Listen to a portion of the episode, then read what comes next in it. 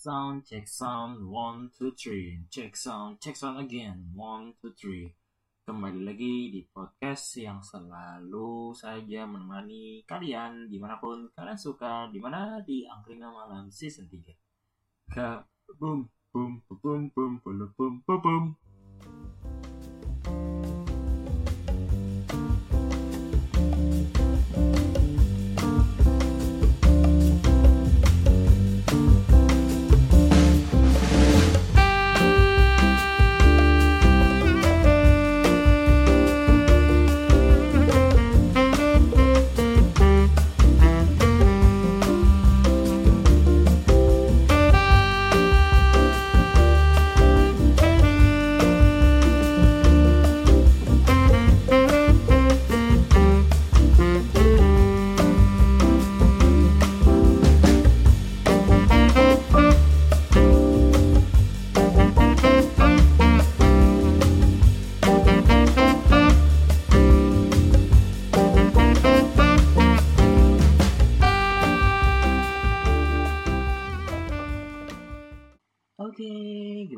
kalian semua? Semoga baik-baik aja yang lagi lagi apa ya? Oh iya, yang lagi menikmati hidup, semangat. Yang KKN, semangat. Yang lagi PPL, semangat. Yang lagi belum lulus ujian, syukurin. nggak, nggak, nggak, canda, canda. Jadi gimana kabar kalian semua? Semoga baik-baik aja. Ya, meskipun kalian masih apa ya namanya, masih sakit ataupun kayak masih not uh, be a better ataupun masih kurang dalam arti konteksnya. Itu contoh kalian masih masih ada rasa sakit hati ataupun mungkin kemarin uh, bangkrut atau apa atau apa ya tetap disemangatin. Jangan lupa karena semangat itu adalah nomor satu. Jika tidak semangat mati anda akan kenapa? Ya betul. Adalah kemalasan. Karena kemalasan adalah timbul dari rasa anda tidak punya tujuan sama sekali. Dan bahkan anda tidak punya rasa ingin kayak memperubah sesuatu. Dan itu sedang terjadi di gua. Kemarin-kemarin gua benar merasakan banget yang namanya patah sepatah-patahnya dipedih serasa pedih-pedihnya. Dan setelah gua pikir ternyata problematika yang sedang gua alami ternyata tidak terlalu apa namanya ya tidak terlalu hmm, berat cuman agak disayangkan saja disayangkannya karena pemilihannya mungkin bukan pemilihannya sih kayak lebih memilih orang yang cukup hmm, not to be able like apa ya like free time ataupun yang benar-benar apa ya known about uh, your fucking yard gitu yang lebih ngerti banget gitu. Sok ngerti cuman ya alhamdulillah ngerti gitu. Cuman ya sudahlah lupakan saja dan today we are going uh, talking about hmm, ini sih uh, seperti janji gue kemarin karena kemarin kan gue pengen ngangkat dari beberapa uh, konteks ya yang sedang ada di yang sedang gue baca gitu. Kemarin gue baru baca uh, sebuah buku, sebuah buku it's a good book really good book dan gue baru yang baru kayaknya ada uh, 10 bab apa ya yang gue baca gitu? 10 sampai eh sorry. 9 eh sorry. 8 sampai 10 bab lah yang sedang gue baca gitu. Baru sampai situ gue baca. Karena ya slow but sure apa ya uh, that's okay gitu. That's okay. Daripada orang yang apa ya ngebacanya cukup you know like a fast forward itu cukup kayak mendap tidak mendapatkan rasa ilmunya. Karena ini kan ilmu tentang keuangan ya jadi ya seperti itu. Jadi mari kita mulai mengenai bab pertama yang akan gue bahas tentang kekayaan adalah apa yang anda lihat. Di mana di angka yang malam season 3 lanjut kepada sesi berikutnya. Kabum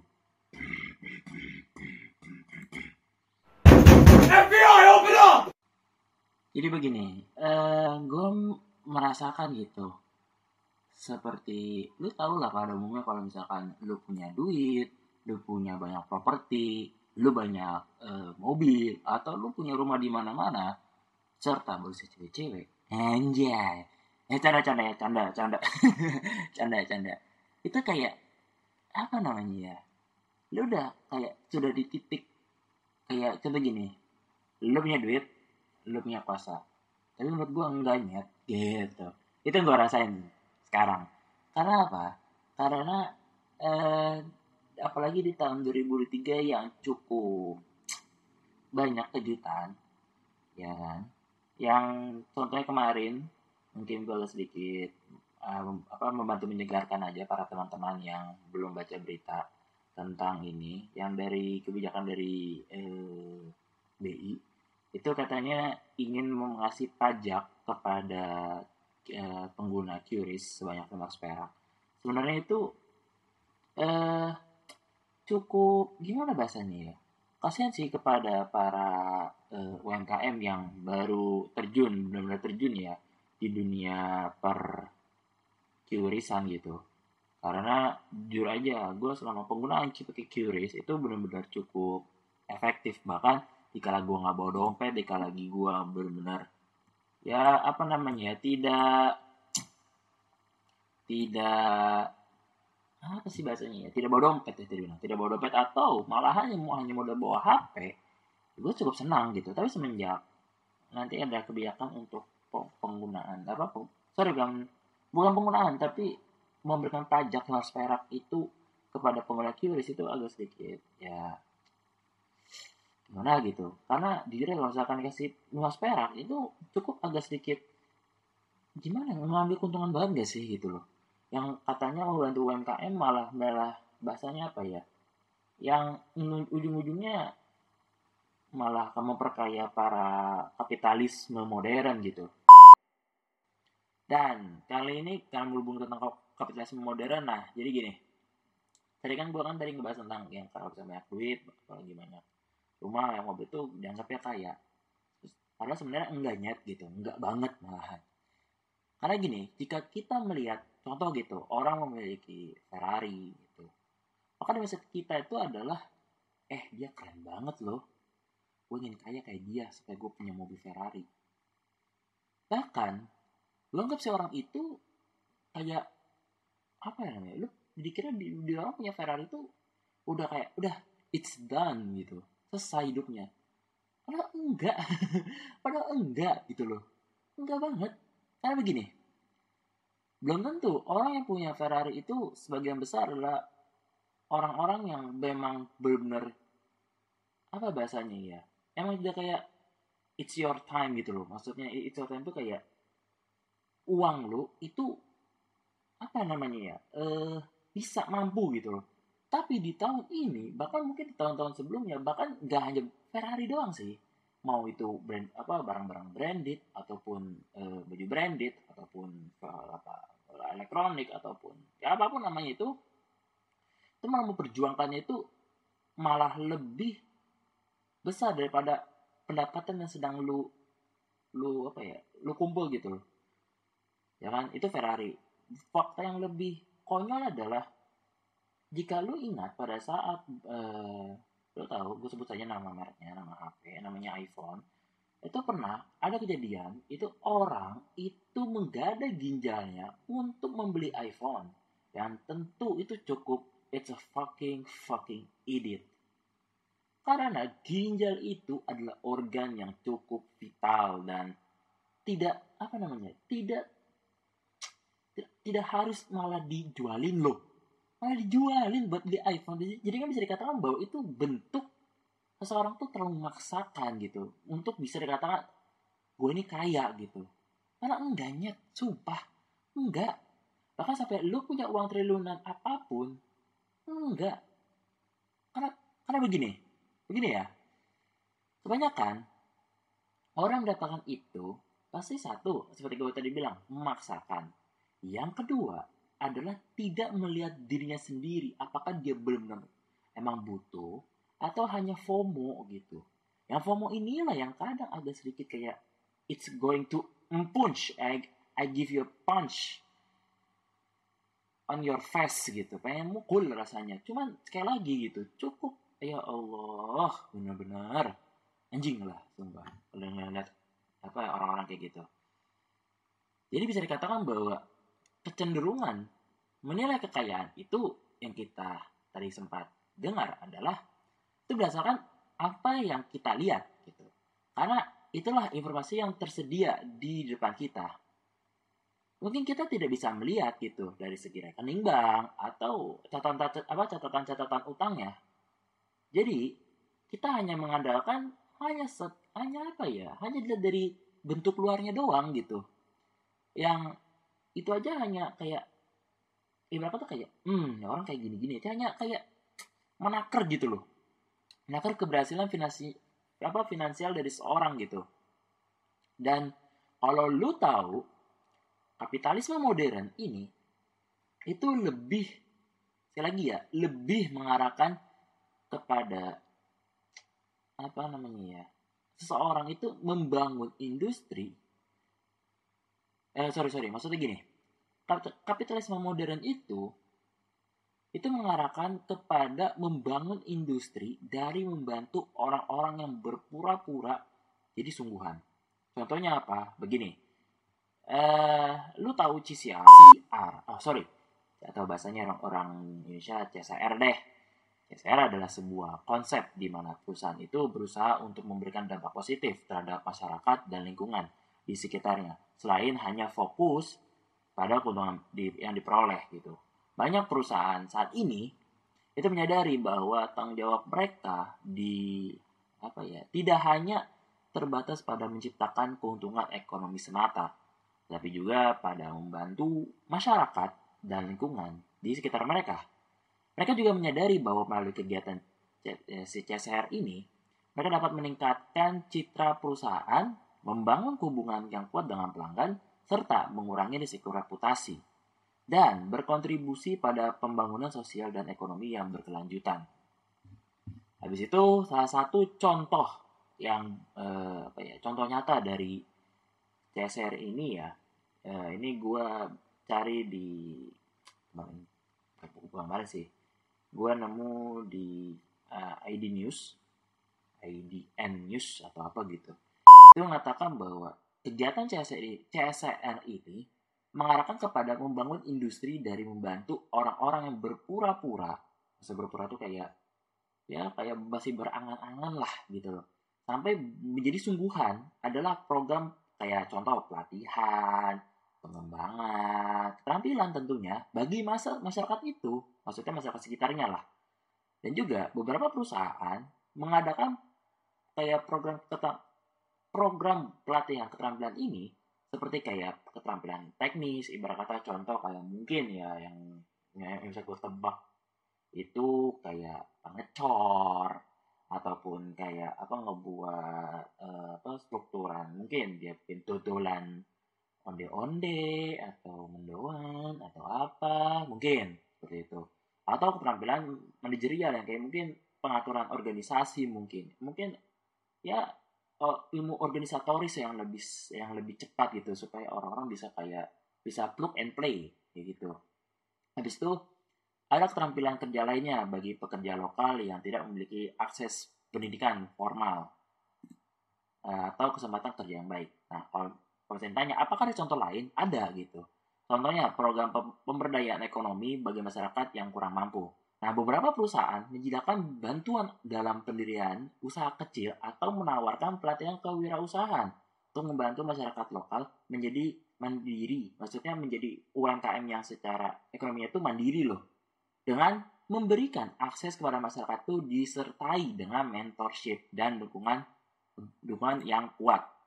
Dan juga selain itu memberikan perusahaan itu apa ya diajarkan uh, ilmu-ilmu yang mungkin bisa menyokong uh, apa namanya menyokong performa dari si UMKM ini supaya bisa ya busnya tuh kenceng loh seperti itu.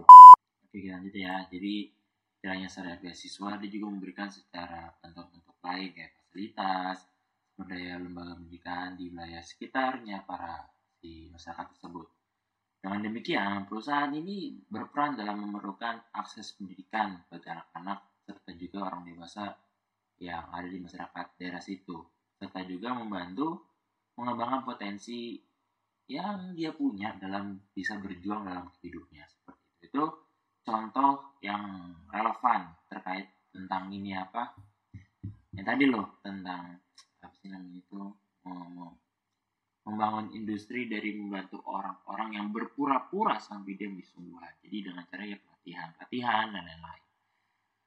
Dan saya tanya apa korelasinya terhadap uh, uh, judul yang kali ini? Itu bisa katakan bahwa kekayaan itu tidak hanya sekedar lihat kayak apa uh, apa namanya? Secara material gitu. Tidak tapi secara keterampilan. Bahkan misalkan lu punya keterampilan yang benar-benar tidak dipunyai oleh orang lain itu justru malah menjadi apa namanya ya uh, brand jualnya lu pada para uh, klien gitu. Gak cuma klien gitu. Misalnya lu punya kliennya di luar negeri atau apa pun itu lu kan jadi kayak nilai plusnya lu. Seperti itu paling. Nah uh, ini sempat nggak sempat sih tadi gue sedikit ada you know uh, tadi kan ada sedikit jalan itu gue coba buka Instagram ya scroll scroll ya lagi biasanya aja. And you know gue nemu satu uh, ini gue bukan mengiklankan cuman ini sedikit kayak kaget jadi tadi berita tadi mengatakan bahwa tadi McD itu sempat uh, membuat satu paket paket pernikahan harga murah. Tadi gue ngeliat di paketnya itu 3,5 juta udah bisa dapat stand. Eh enggak usah bukan stand jadi kayak ibaratnya paket nikah gitu loh. Paket nikahnya McD cuma 3,5 juta. Dan you know what? Itu diperuntukkan untuk orang-orang yang memang apa bahasanya ya? Yang emang cuma kerjanya itu nikah secara sederhana gitu. Jadi tupoksi orang-orang yang menyukai pernikahan yang sederhana itu dibantu oleh si McD ini. Dan ini menjadi suatu hal kayak wah ini menjadi hal yang bagus. Dan ada satu hal yang paling cukup sebuah itu adalah dari sepersekian masyarakat di Indonesia itu ternyata banyak yang menggunakan jasa itu. Bahkan ada yang lebih lucu. Lucunya adalah anak-anak yang baru sunat itu langsung dipak dibeliin begituan. Terus gumuh gumuh gitu makan burger.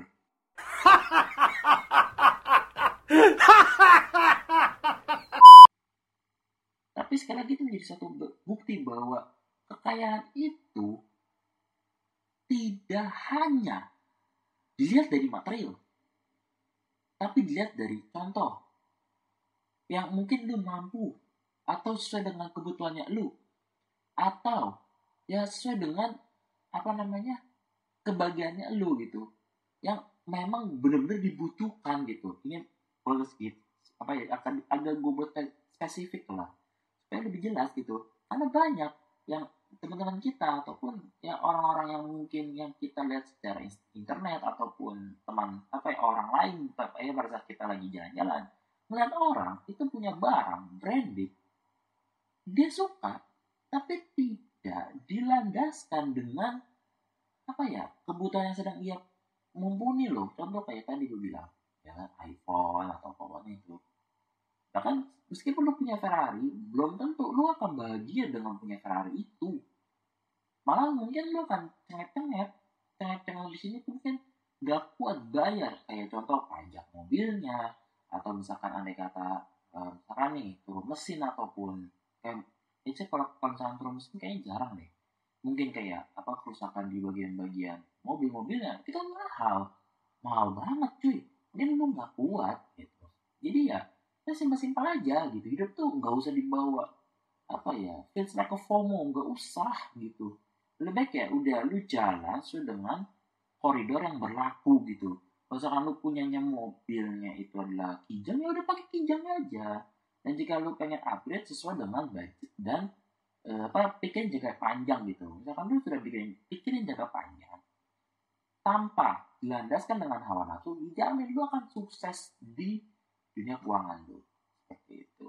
Nah, jadi di sini ceritanya dari eh, bintang bintang besar lah lu tahu penyanyi uh, Rihanna yang apa Umbrella Ella Ella eh eh eh what's gonna want to do Ella Ella gitu.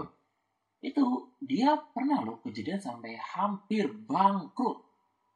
Hampir bangkrut karena kebodohannya. Jadi si apa namanya ini gua nemu di uh, ini sih tetap uh, di dalam bukunya Morgan Housel tentang Pascal of Money itu mengatakan si Rihanna ini pernah bangkrut dikarenakan dia terlalu overspend.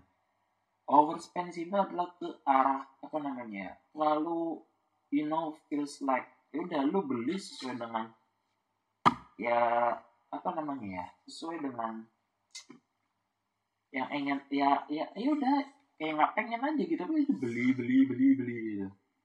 Dan itu malah menjadi kayak apakah eh, apa bahasanya menjadi hmm, dibutuhkan? Nah dan yang lucunya pada saat Rihanna hampir bangkrut dia tuh menggugat penasehatnya.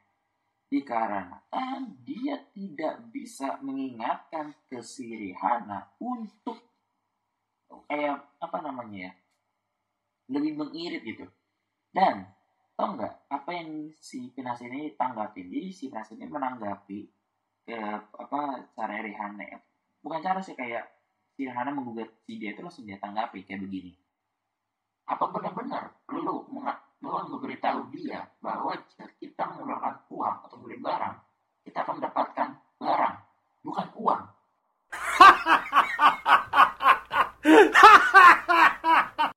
Ini bisa dikatakan bahwa silakan lah kalian ketawa dulu dah. Lu, lu pada ketawa dulu oke.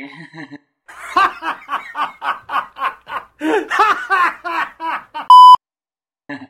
nah cukup oke. Jadi gua gua langsung jawab aja ya dari si pertanyaan dari penasihat dari Rihanna yang dibuat ini. Jawaban gua adalah iya harus diketahui apa harus memberitahu dia.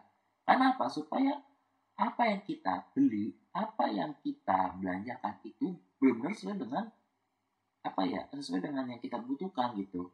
Bukan kayak apa namanya bukan kayak kayak kita menginvestasi ke mungkin ke obligasi ataupun ke saham yang bisa balik ke uang juga bukan nggak kayak gitu. Kalau misalnya lu udah beli belanjaan dan itu jadi uang itu aneh. Kecuali kalau misalnya lu jualin lagi beda. Tapi kalau misalkan lu beli barang dan berharap dapat duit lagi itu aneh. Itu yang didasar itu yang di yang, yang menggambarkan si penasihat itu terhadap si siap sikap bodohnya dari uh, Mbak Rihanna ini. I wonder if she could tell I'm hard right now. Hmm. Ini dalam uh, jurnal, gue lupa nama jurnal apa gitu, gue lupa.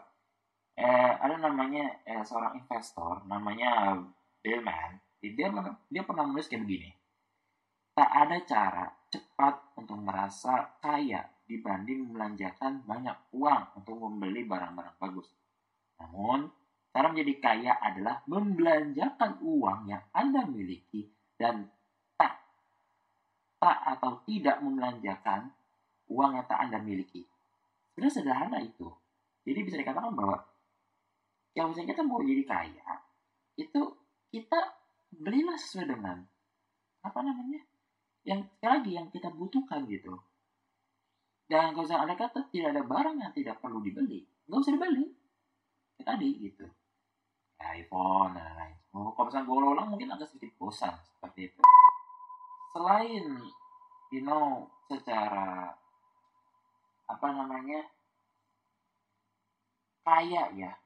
Kaya yang merujuk ke mungkin menurut gue sekarang gitu ya.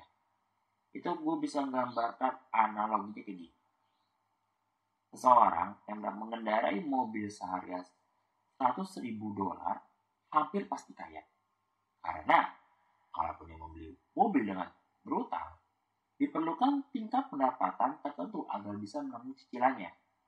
Sama saja dengan orang yang tinggal di rumah besar.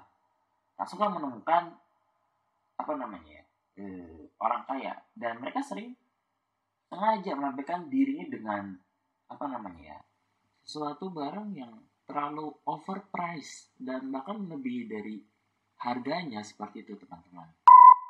Jadi katakan kekayaan itu sembunyi. Kekayaan ini, sorry tepatnya kekayaan adalah pendapatan yang tak dibelanjakan. Dan kekayaan adalah pilihan yang belum ambil membeli sesuatu di hari kelak. Mungkin nilainya berada di oke lah mungkin pemberian supaya kita bisa memilih kalau kita mau itu kayak gimana sih. Mungkin kayak kayak pilihan atau kita pada lagi memilih sesuatu kan kan butuh namanya keluasan tuh. Nah, apa yang namanya keluasan itu juga perlu supaya kita bisa menjadi bisa menjadi kaya. Eh, sorry memiliki kekayaan maksudnya. Habis itu memiliki pertumbuhan yang you know feels like like ya kita memiliki suatu uh, saham gitu. Ya kita bertumbuh terus kan punya uang kita. Karena kita kan butuh yang namanya gitu. Supaya kita mencapai namanya sorry lebih tepatnya memiliki kekayaan tersebut. Di dalam buku The Body karyanya Billy Bryson dia itu menjelaskan kayak gini. Untuk penelitian di Amerika menemukan bahwa orang melebih-lebihkan jumlah kalori yang dibakar ketika berolahraga sampai empat kali lipat. Mereka juga kemudian mengkonsumsi rata-rata dua kali jumlah yang baru dibakar. Faktanya, kita bisa dengan cepat menghilangkan efek gerak badan dengan banyak makan. Yang sebagian besar kita dapat melakukan itu. Nah, apa maksudnya?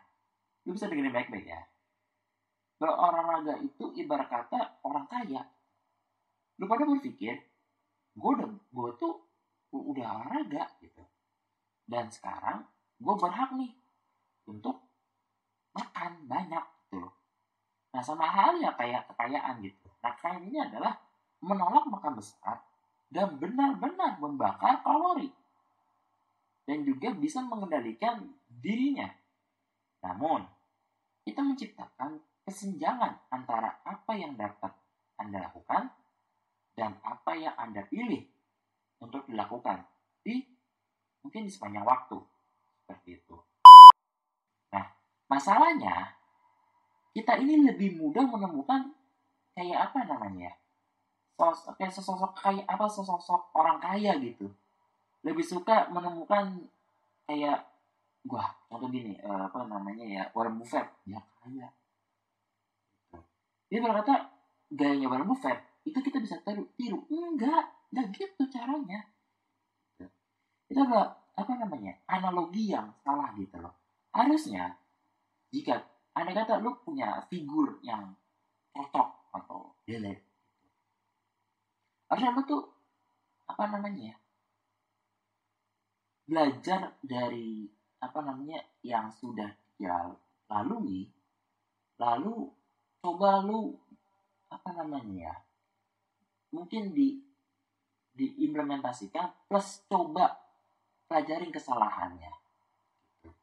Tidak hanya sekali lagi tidak hanya fokus kepada hanya sebagian kayak ya udah gue gue gue tiru nih Warren Buffett turunan sampai 100% enggak. Lu harus bisa pelajarin secara detail-detailnya.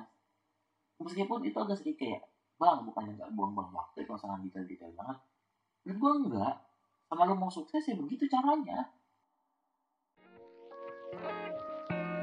Kalian sedang mencari hostingan terbaik dan mudah dalam memonetize.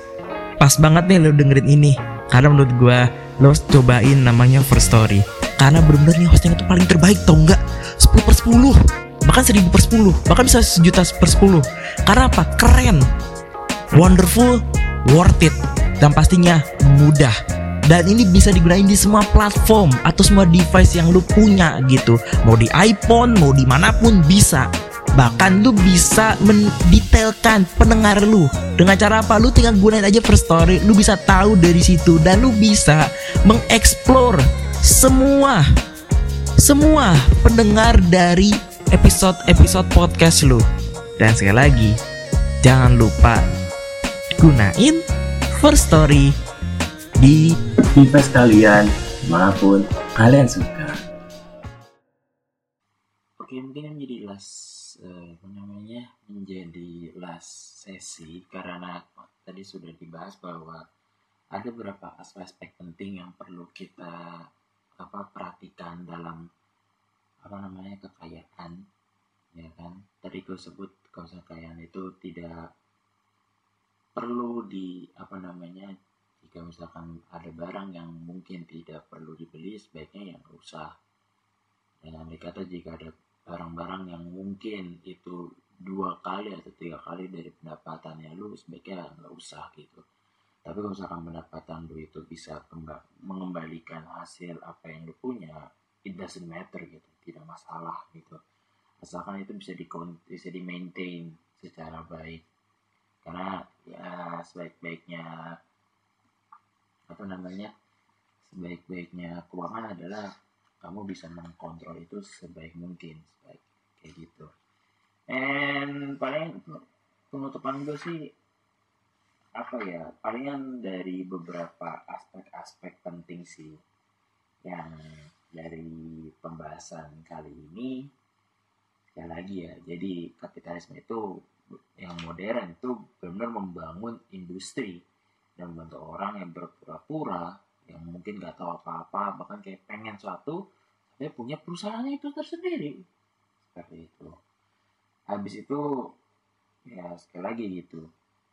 Dunia yang diinginkan oleh orang yang mengerti eh, keuangan dalam mungkin dari sektor ekonomi atau sektor psikologis adalah dunia yang tampil ya sederhana dan ya meskipun he has atau she has uh, you know like uh, something ya the name like you know apa uh, kekayaan ya itu sekali lagi tampil sederhana nggak usah sombong kayak di Instagram atau apa pun itu namanya karena cukup agak cringe lah. Jadi sebaik-baiknya kita ya kalau kita punya uang meskipun naik kata gitu kayak gue belum kaya nih bang atau apa pun itu ya udah jalanin proses banyakin liabilitas ya kan? Ya misalkan lu belum bisa mempromosikan liabilitas ya berarti lu banyakin ilmunya aja dulu kayak gua gitu. Karena jujur aja kalau gue mau memperbaiki liabilitas ataupun gue pengen menambah something like aset yang bisa mendongkrak apa namanya perekonomian gua. Ya gue banyakin ilmunya dulu aja gitu. banyakin ilmu sembari ya kecil-kecilan gitu. Kayak bisnis gue gue coba alihkan keuangannya ke arah saham ataupun ya gue coba tabung. Karena yang gue pakai rumus untuk menabung gue itu adalah ini sistem 50 sorry 30 persen 30 persen 20 eh, persen 20 persen 30% yang buat tabung, 30% yang buat cari per bulan, 30% yang buat uang jaga-jaga, dan 20%-nya untuk uang apa ya, uang pegangan aja.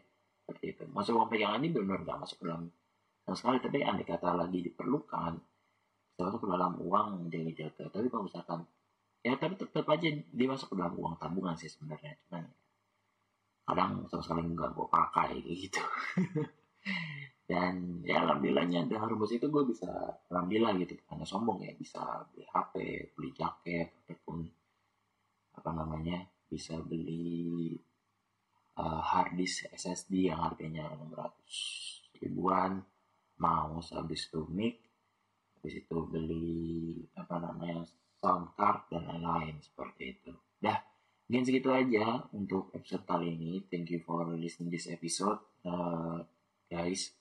And don't forget to follow this episode. Eh sorry, don't follow this channel, share this episode, and don't forget to comment. And sampai jumpa and see you in the you know other episode.